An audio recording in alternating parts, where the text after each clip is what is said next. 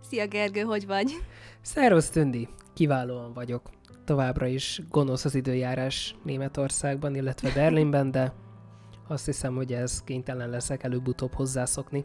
Veled mi a helyzet? Tart még a tél, itt is, itt most egészen jó az időjárás, de ez van, ezzel kell megbékélnünk. Így van, ezek a tények. És ugye a mai podcastra egy eléggé érdekes, mégis kényes témával készültünk, és ez az összeesküvés elméletek pszichológiája. Pontosan? Ugye a, a, a pszichológiai háttere, hogy miért is van ez.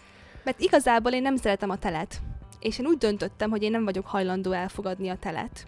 És nincs is tél, nem? Ez teljesen egy kitaláció. Ez csak egy globális háttérhatalomnak az eszköze, hogy mindannyiunkat kontrolláljanak. Így van. Maradjunk bent. És elhitessék velünk, hogy kint rossz az idő, de csak ki kell mennünk, és érezni fogjuk, hogy nem az. De nem menjünk ki egyébként, mert ezzel is csak kontrollálnak minket.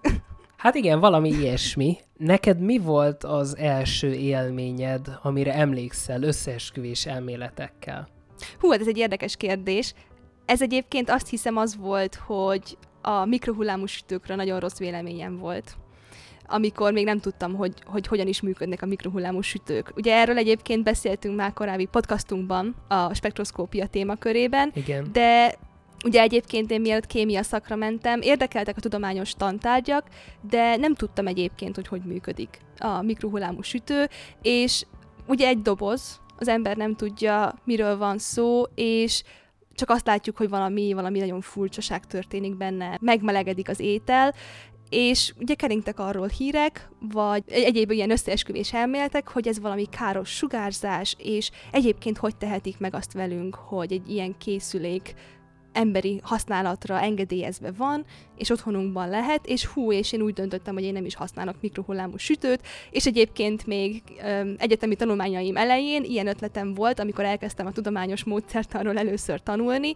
hogy fú, akkor teszteljük le, hogy tényleg a mikrónak milyen rossz hatása lehet növényekre, például, hogyha én mikrozott vízzel locsolom őket, vagy nem. De aztán később, amikor ténylegesen tanultam arról, hogy hogyan működik a mikrohullámú sugárzás, akkor ezek a hiteim, ezek a véleményeim a mikrohullámú sütőről teljesen eloszlottak, mert megértettem, hogy miről van szó. Neked egyébként milyen tapasztalataid, milyen élményeid vannak összeesküvés elméletekkel? Uh, valahogy ezek egyébként engem rendkívül elkerültek, és talán a legelső, amiről hallottam, és meg voltam rökönyödve, az azt hiszem talán a chemtrail volt. Uh-huh hogy ugye ez a, a hallgatóságnak, akik ezt nem ismerik, ez az összeesküvés elmélet azt mondja, hogy a repülők, a kondens csík, ugye, amit húznak, a repülők ebbe a kondens csíkba méreganyagokat juttatnak, illetve olyan anyagokat, amik megbetegítik az embereket, és aztán ezt használja fel ugye a háttérhatalom, meg a nagy gyógyszercégek arra, hogy akkor ezek ellen a betegségek ellen ők gyógyszert tudjanak gyártani, és ebből gazdagodnak meg igazából. És emlékszem, amikor ezt először olvastam, akkor elgondolkoztam, hogy ez, ez, ez hogy vagy miért? Ez miért jó az embereknek? És igazából ez volt annó az, ami elindított azon a, az úton, aminek a kicsúcsosodása ugye most történik meg, hogy tanultunk, és utána néztünk az összeesküvés elméletek pszichológiájának, pszichológiai hátterének. Igen. És nagyon fontos azt leszögezni, hogy hozni fogunk itt most pár példát majd, és tudjuk, hogy van nagyon sok más példa is, amik sokkal inkább politikai töltetőek, viszont számunkra az egyik legfontosabb dolog ezzel a podcasttal kapcsolatban az, hogy a lehető leginkább politika neutrálisan és politikától mentesen tudjunk beszélgetni témákról, hiszen Igen. a fő központja ugye a tudomány, és a tudomány egyedül tényekre támaszkodik, véleményekre nem. Igen. És ugye nem az a célunk, hogy most konkrét összeesküvés elméleteket cáfoljunk meg sorra, hanem azt szeretnénk itt ebben a podcastban megbeszélni, hogy miért is hisznek emberek, és egyébként, hogy ez miért egy rendkívül igazából alapemberi természetünkből származó dolog. Egy nagyon érdekes pszichológiai jelenség az ilyesmikben való hit. Szóval reméljük, hogy ez kedves hallgatóinknak is érdekes beszélgetés lesz. Igen, és akkor csapjunk is bele, Ugye mi is az összeesküvés elmélet egyáltalán? Ez nagyon-nagyon fontos már az elején leszögezni, hiszen későbbi félreértések elkerülhetők ezzel. Tehát összeesküvés elmélet, vagy ugye a, konteo, vagy konspiráció, az a latin conspirare kifejezésből ered, ami azt jelenti, hogy együtt lélegezni. És a Wikipédia szerint az összeesküvés elmélet egy olyan közéleti álláspont, amely azt feltételezi, hogy részben vagy egészben feltáratlan vagy indokolatlannak látszó események vagy cselekmények mögött egy általa megnevezett csoport vagy ember áll. Igen. És ugye tudjuk, hogy vannak összeesküvések, tehát az a fogalom, hogy embercsoport valamilyen célból összeesküdnek, ez, ezek létező jelenségek. Az összeesküvés elmélet viszont az egy képzelt dolog, amikor csak elkezdi valaki feltételezni, hogy ilyen összeesküvések léteznek, és általában megfelelő bizonyíték, valódi tudásanyag nélkül. Igen, tehát a, az összeesküvés elmélet hitvilága, mert itt fontos kihangsúlyozni, hogy hitvilágról van szó, ellentmond a téma szakértői által általánosan elfogadott tényeknek. Ezek a szakértők lehetnek természettudósok, vagy esetleg történészek is.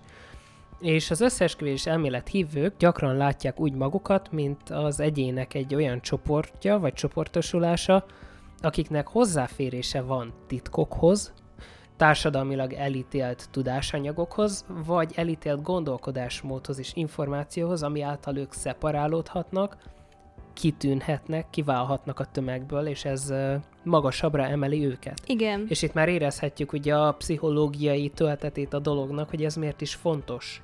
Igen, ugye ezzel az a probléma, ezt ugye mi mind a ketten láthatjuk, mint tudósok, hogy a tudományos vélemény, a tudományos konszenzus, az kicsit merev tud lenni néha, de ez egy szükséges dolog sok szempontból, mert abszolút tényleg vannak csoda eredmények, vannak olyan eredmények, amik egyszerűen megrengetik a tudományos világot, és új dolgokra jövünk rá, és erre nagyon-nagyon sok példát tudunk hozni a tudománytörténelemből. Valószínűleg erről fogunk is akár későbbi podcastokban beszélni, ezekről a nagyon komoly, úgynevezett paradigmaváltó eredményekről, és amint azt láthattuk egyébként tudománytörténeti eseményekből, hogy nagyon sokszor, ami később az igazságnak és a valódi tudományos eredménynek jön ki, azt akkoriban elvetették, mert ki kellett állnia nagyon sok próbát az ilyen nagy elméleteknek.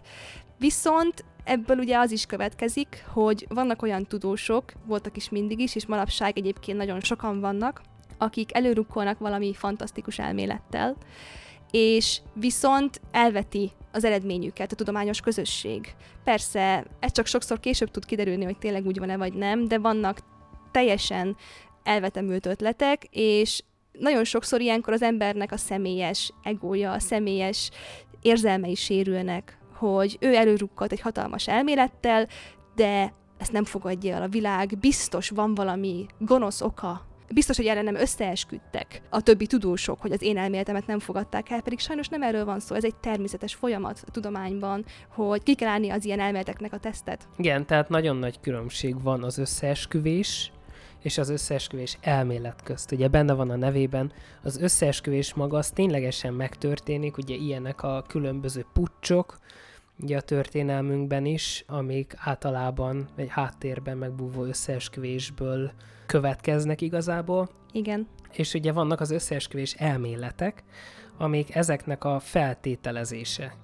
És ugye minden összeesküvés elmélet alapja maga a titok. Igen. És a magyarázat hiánya. És ugye maga az összeesküvés elmélet jelenthet olyan érvelést is, gyakran egymással nem szükségesen, vagy nem szükségképpen kapcsolatban álló bizonyítékokon alapulva, amely nagyszabású és igaznak bizonyulása esetén messze menő társadalmi és politikai következményekkel bír. Igen. Ez egy érdekes dolog, hogy a misztikum kérdése, a valamilyen fajta magyarázat hiányának a jelenléte az, ami sok embert arra késztet, mert van bennünk egy ilyen nagyon-nagyon természetes, nagyon alapvető inger, hogy mindenre keressük az összefüggő magyarázatokat. Egyébként ez egy nagyon, nagyon előnyös evolúciós tulajdonságunk volt. Hogy azzal, hogy föl tudtunk ismerni mintázatokat, azzal tudtunk tovább fejlődni, és nagyon nagy, komoly kihívásokat legyűrni. Igen.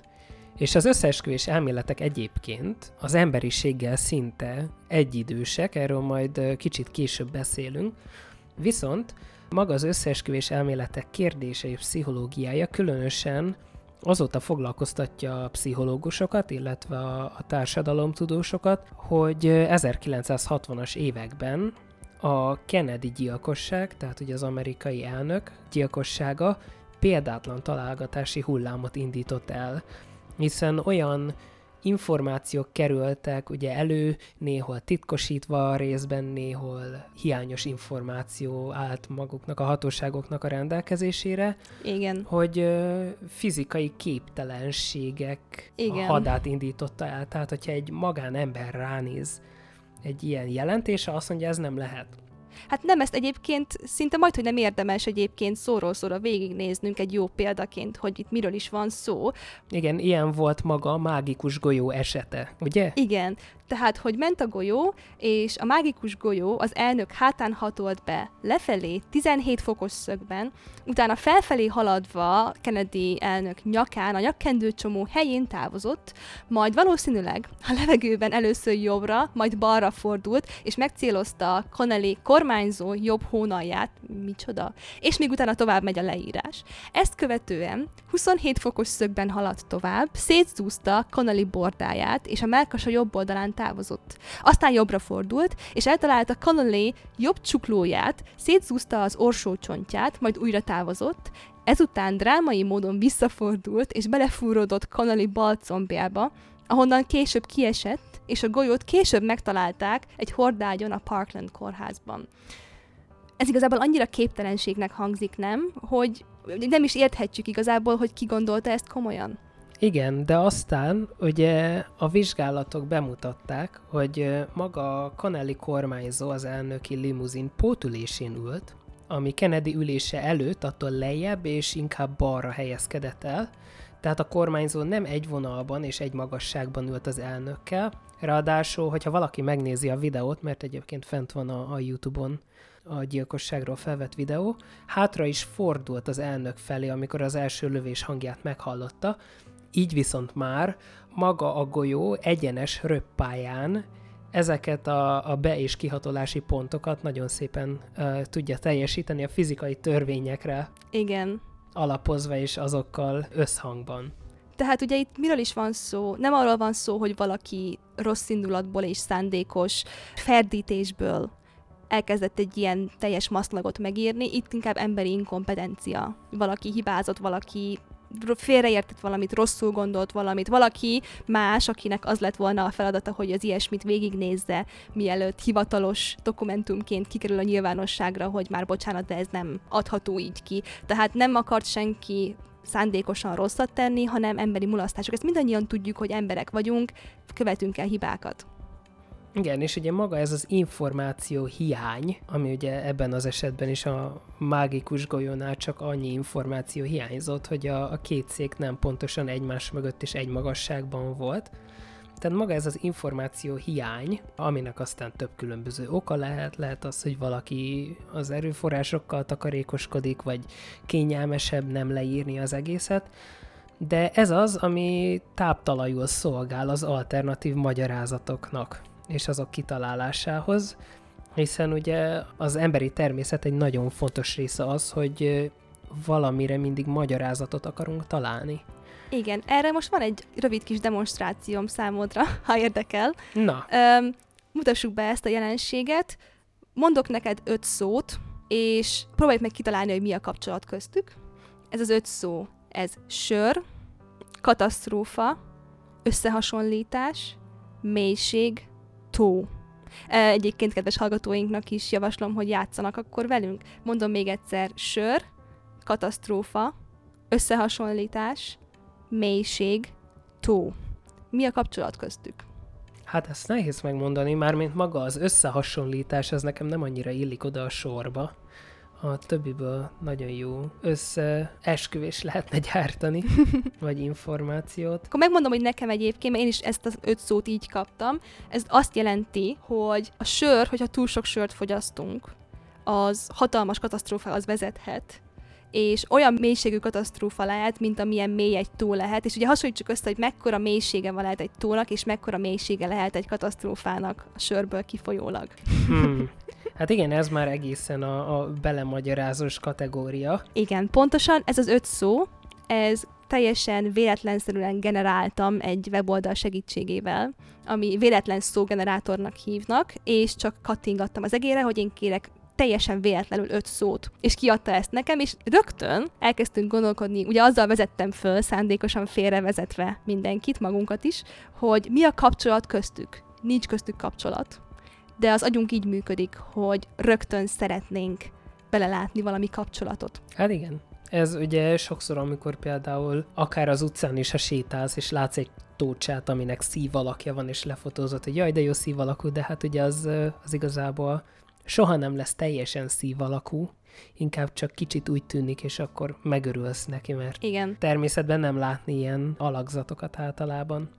Igen, és hogy amikor van egy, egy nagyon-nagyon-nagyon jelentős esemény, tehát például mint egy merénylet, mint a Kennedy gyilkosság, vagy bármifajta komoly az emberek életére, és főleg az érzelmeikre nagy hatással bíró esemény, akkor óhatatlan, hogy ezt meg szeretnénk magyarázni, hogy miért van. És amikor ahogy mondtad korábban, hiányzik a hivatalos magyarázat, mert még nem elérhető, vagy annyira összetett a kérdés, hogy nehéz megfejteni, akkor óhatatlanul arra fogunk haladni, hogy megpróbáljuk magunknak megmagyarázni a rendelkezésre álló információink alapján, és elkezdünk köztük olyan összefüggéseket keresni és találni, amik esetleg nincsenek is ott.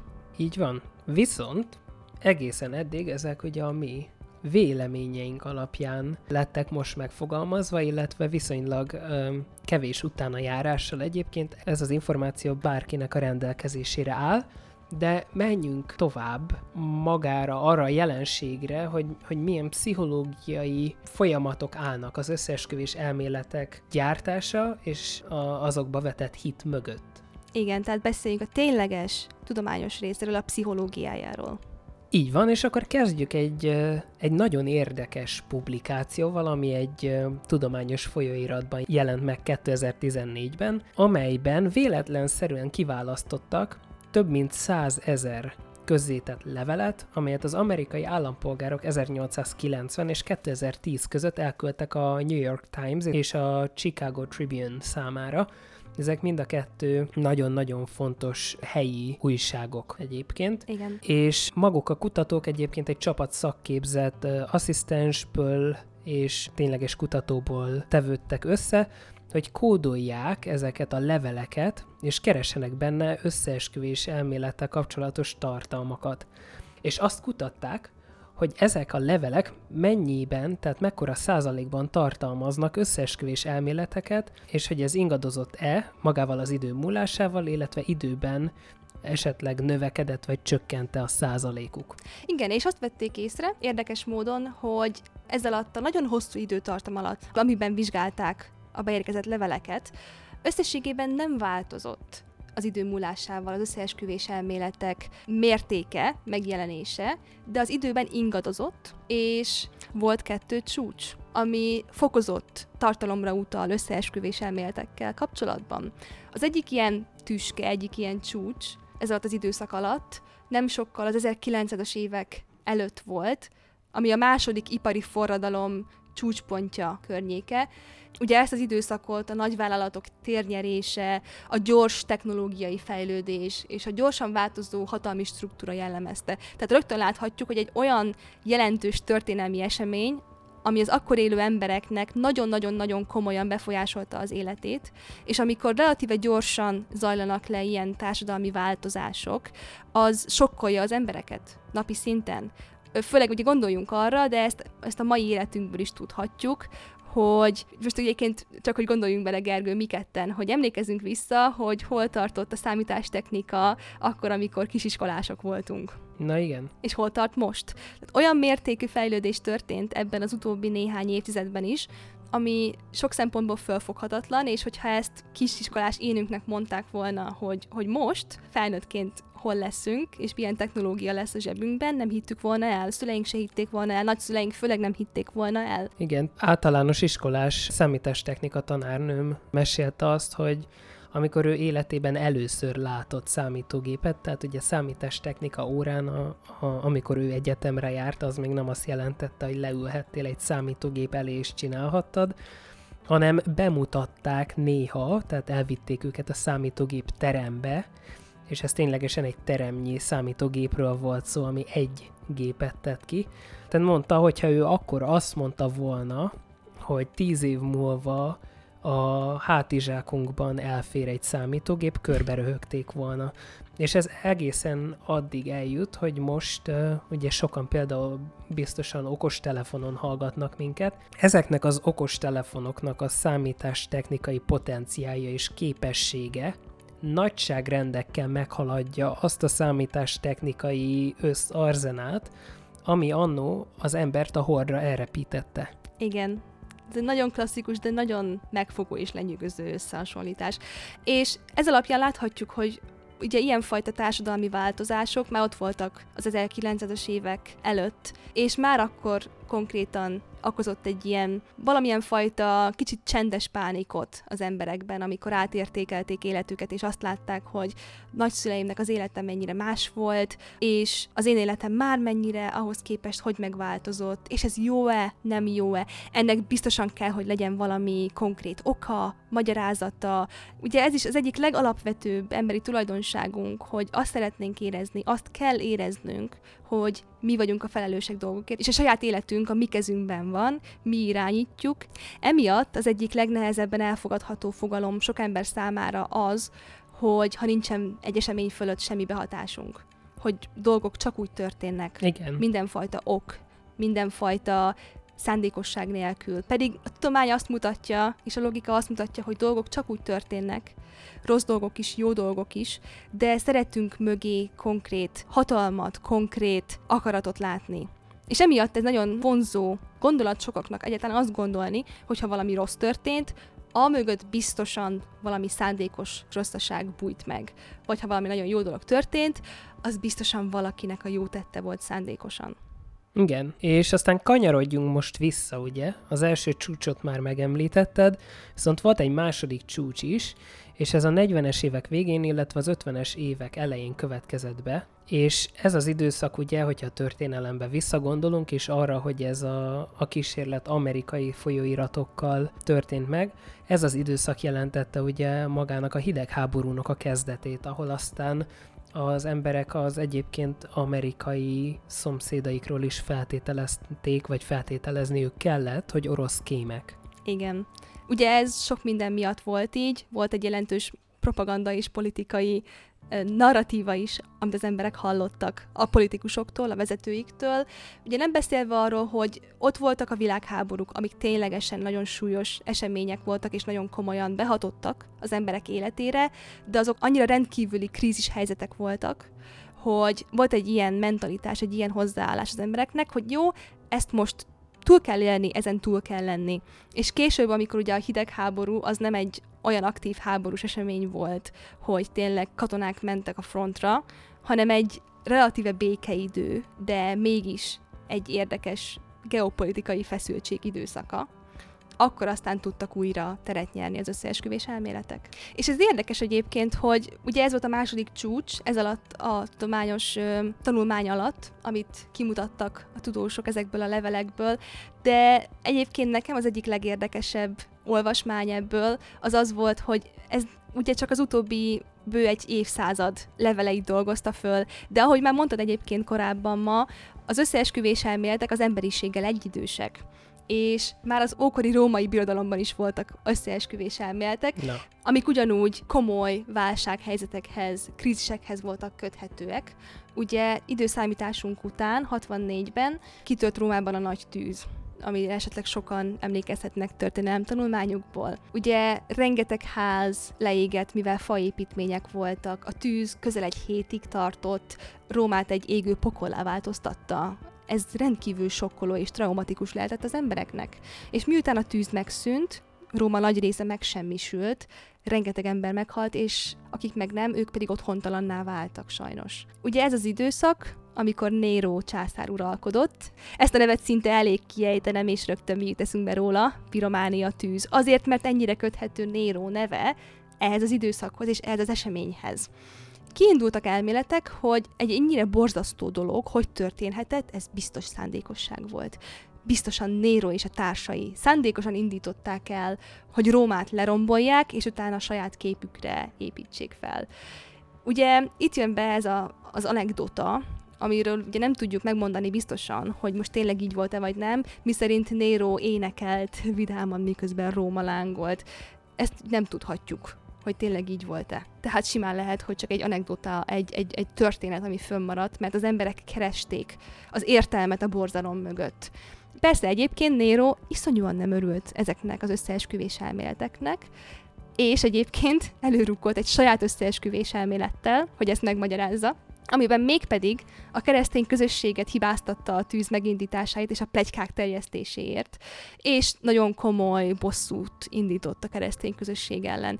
Ebből láthatjuk, ez ugye egy komoly történelmi példa, hogy az összeesküvés elméletek milyen komoly veszéllyel bírhatnak sokszor. Igen. Ez nem csak, nem csak arról szól, hogy egy ártalmatlan, persze ott egy ártalmatlan összeesküvés elmélet, hogy Elvis Presley még mindig él, és egy bunkerben bujdokol, az teljesen ártalmatlan, de nagyon sok különbség van, és nagyon sok szint van összeesküvés elméletekben, és nagyon-nagyon-nagyon súlyos tettekre sarkalhatnak embereket, hogyha egy ilyen összeesküvés elmélet elterjed, és ráadásul hatalmi pozícióban van. Igen, és ugye most a, a podcast fő témájához ugye visszakanyarodva, talán amit többször is említettünk már, ugye a pszichológiai kutatások azt mutatják, hogy az emberek hajlamosak a minták észlelésére és a biztonság és az összetartozás szükségleteinek kielégítésére szolgáló információk befogadására, ami a széles körben elterjedt, valótlan vagy esetleg irracionális hiedelmek mozgatórugója lehet. És képzeld el, hogy egy uh, 2014-es szintén kutatás szerint, ami az amerikai politikai tudományok folyóiratában jelent meg, a kutatók azt találták, ugye főleg társadalomkutatók, hogy az amerikai emberek nagyjából fele hisz legalább egy bizonyíthatóan valótlan összeesküvés elméletben. Hm. Tehát ez hatalmas számot jelent. És hatalmas szám, és igazából amit tudunk az emberi viselkedésről, nincs okunk azt feltételezni, hogy az amerikaiak valamilyen szempontból kivételek lennének, hanem inkább azt feltételezhetjük valószínűleg, hogy a világ populációja úgynevezett fejlett országokban hasonló mértékben hihet összeesküvés elméletekben. És egyébként nekem az összeesküvés elméletek veszélyeivel kapcsolatban az egyik legdurvább, ami, amit hallottam, az az, hogy van egy ilyen összeesküvés elmélet, hogy a gonosz gyógyszercégek eltitkolják előlünk, hogy a bizonyos fertőtlenítőszerek milyen hatásosak és milyen jó dolog őket belsődlegesen fogyasztani, tehát meginni. Ez egy nagyon veszélyes elmélet. Mert nem, nem titkolnak előlünk semmit a gyógyszercégek ezzel kapcsolatban, ezek veszélyes anyagok. Igen. És nem szabad őket fogyasztani. Tehát konkrétan, ha valaki egy ilyen dolgot elhisz, érthető, hogy sok szempontból, hogy miért, de akkor is saját egészségére, vagy esetleg más egészségére káros lehet, hogyha ezt másnak javasolja. Igen, itt is ugye arról van szó, hogy a, amikor egy adott uh, személy a jelenlegi helyzetét kilátástalannak érzi, akkor hajlamos olyan alternatív információkhoz folyamodni, amit még nem próbált, és esetleg például orvosok nem javasolták még neki. Például ugye azok a vegyszerek, amiknek a csomagolására rá van írva, hogy tehát ne fogyassza, és emberi fogyasztása nem alkalmas, és mérgező, és veszélyes, és égési sérüléseket okozhat, stb. Igen. És mégis amiatt, hogy hogy nem tudja megmagyarázni, hogy, a, hogy miért érzi magát rosszul, vagy miért nem tart ott az orvostudomány, és a jelenlegi tudomány, hogy, hogy őt meggyógyítsa, miközben embereket reptetnek a holdra és a világűrbe, akkor, akkor érthető, hogy ilyen Igen. dolgokhoz is folyamodnak. És pontosan arról van szó, hogy az információ hiánya, mert az orvos nem fog bebocsátkozni csak ötletekbe és elméletekbe, mert azzal nem tesz jut a paciensnek. De sajnos emiatt a szakmai integritása, a szakmai egységessége az arra fogja késztetni, hogy akkor inkább ne mondjon konkrétumokat, vagy azt mondja, hogy nem tudom. Ugye ez egy érdekes dolog, nem? Hogy a tudósnak az egyik legnagyobb erénye az, amikor azt tudom mondani, hogy nem tudom, erről nincsen információm. Ezt még nem vizsgáltuk, mert ezzel konkrétan felállítottuk a saját tudásunknak a mértékét. Ugye ez a tudás. Amikor azt mondom, hogy én tudom, hogy valami úgy van, az azt jelenti, hogy a rendelkezésemre álló bizonyítékok és tanulmányok és információk azt mutatják, hogy ez így van, de én nyitottan hagyom ezt a kérdést, és felteszem, hogy a jövőben lesz új információm, ami ezt megváltoztathatja, és akkor, mint jó tudós, nekem a véleményemet ezzel meg kell változtatnom.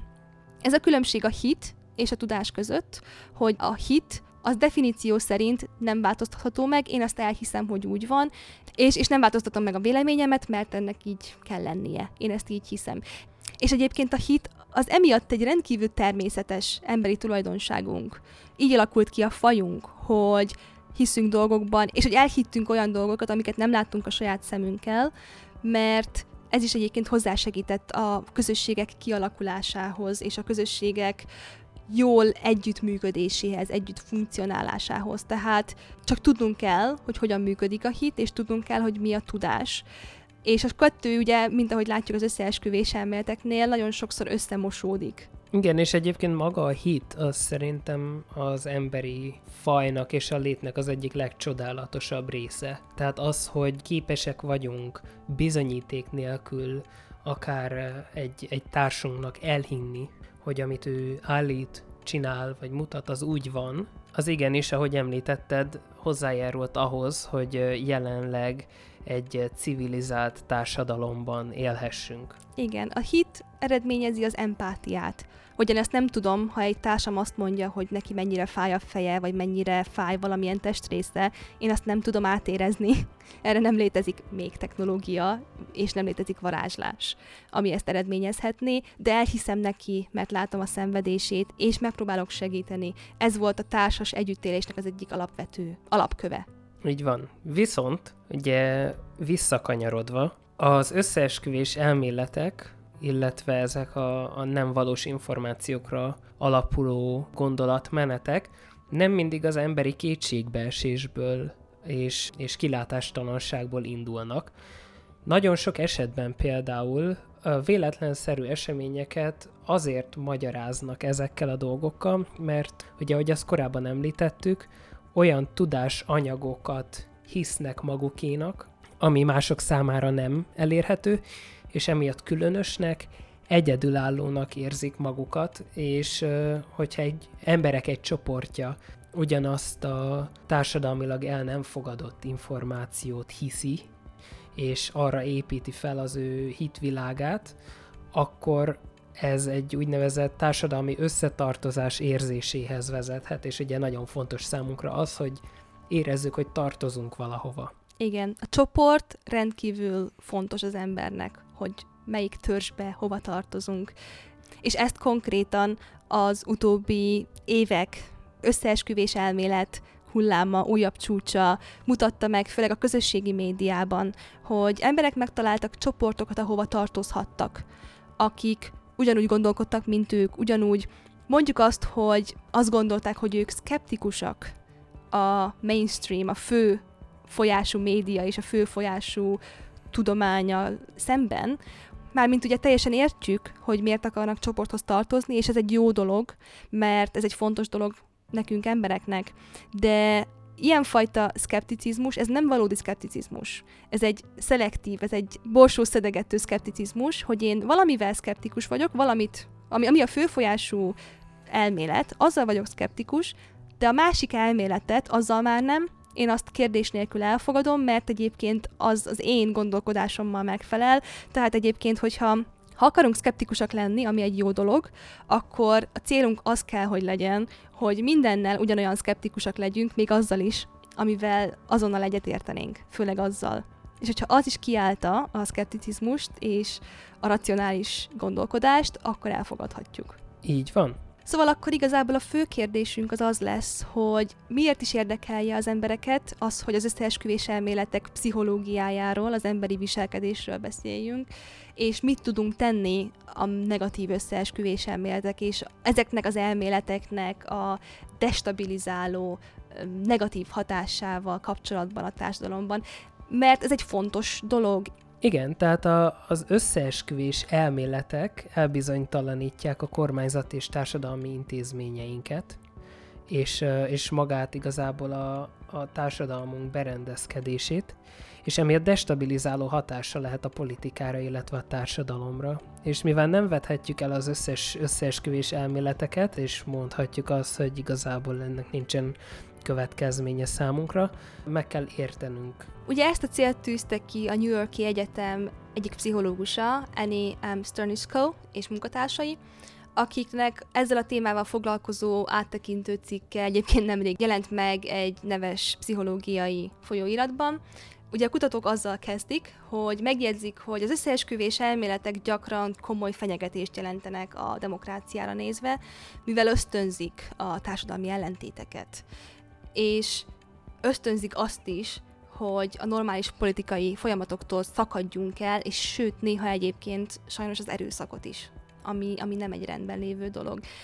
Tehát ezen kell valahogy túljutnunk, és nekem egyébként a saját személyes véleményem, de ezzel sok pszichológus is egyetért, és mivel pszichológiáról beszélhetünk, ezért konkrétan kimondhatjuk, hogy ezt akkor igazából az emberi érzelmek szintjén kell kezelnünk ami azt jelenti, hogy tényleg azt vizsgáljuk meg egyén vagy kis csoport, vagy akár egy teljes ország társadalma szintjén, hogy mik azok az érzelmek, mi az az állapot, ami előidézte embereknél, hogy így gondolkodjunk, teszem azt, olyan szociális, olyan társadalmi rossz helyzetben van egy népcsoport, hogy vevő ezekre az elméletekre?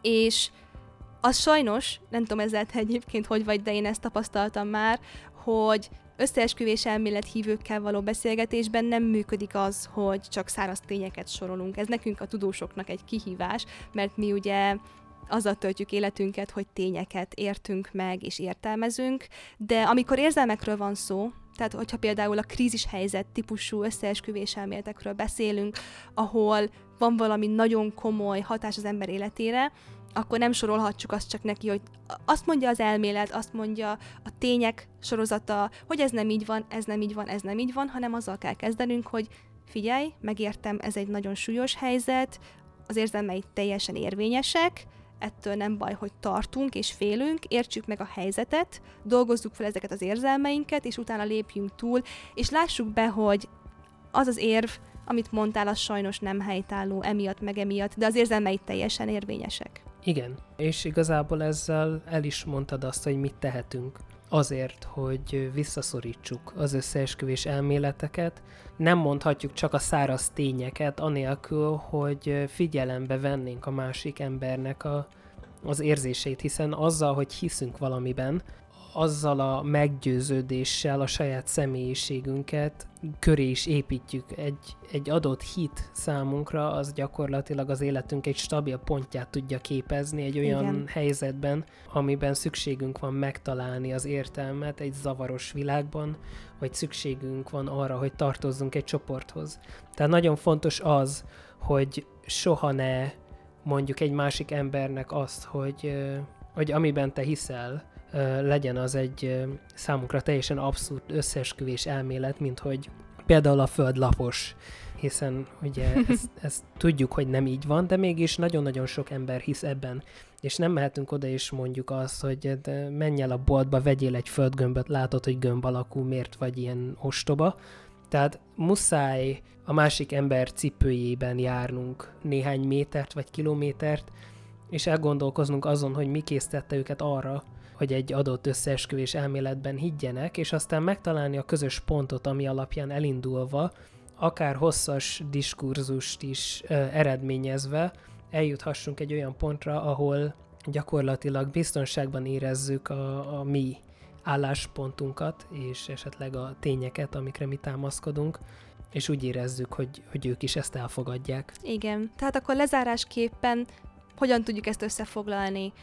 Ugye magunknak, mint most személy szerint kettőnkről és a tudós közösségről beszélek, ugye nekünk az a legfontosabb lecke ebből a szempontból, hogy nagyon érthetően, egyszerűen kell kommunikálnunk, és, és azt figyelembe véve, hogy hány darab száraz tényt vehetünk bele egy, egy diskurzusba, egy beszélgetésbe, és értsük meg inkább az embereknek a mögöttes motivációit, a mögöttes érzelmeit. A hétköznapi embernek pedig ugye az talán a, a legfőbb üzenet, hogy a szkepticizmus az egy jó dolog, de csak akkor, hogyha nem szelektíven alkalmazzuk arra, ami nem tetszik, hanem mindenre kell alkalmaznunk, arra is, ami tetszik. Így van. Arra is, ami egyébként teljesen meggyőzne minket. És hogyha elkezdünk minden forrásra ilyen szkepticizmust alkalmazni, akkor észre fogjuk venni, hogy mik azok a pontok, amiket vakon elhiszünk, és mik azok a pontok, amiket egyébként érdemes több figyelemmel követni. Igen. Nagyon szépen köszönjük, hogy velünk tartottatok ez alatt a, a komolyabb hangvételű podcast alatt, és köszi Tündi megint, hogy egy ilyen tök jót beszélgettünk egy nagyon fontos témáról. Igen, én köszönöm a beszélgetést, mert nagyon szerettem volna erről a témáról beszélgetni veled és mindannyiunkkal, a kedves hallgatókkal is. Hogyha tetszett ez a podcast, akkor szívesen várunk titeket Facebook oldalunkon, hagyjatok kommenteket, nektek mit jelentenek az összeesküvés elméletek, ti milyen elméletekkel találkoztatok, ugyanúgy nyugodtan hagyjatok kommenteket a YouTube oldalunkon, ez alatt a videó alatt, és iratkozzatok föl YouTube csatornánkra, ugyanúgy megtalálhattok minket a legnagyobb podcast oldalakon és szolgáltatókon, mint Google, Apple, Anchor, azzal tudtok nekünk a legtöbbet segíteni, hogyha letöltitek fájlunkat, és hallgassatok minket remélhetőleg örömmel. Munkába menet, iskolába menet, és várunk vissza titeket jövő héten. Sziasztok! Sziasztok!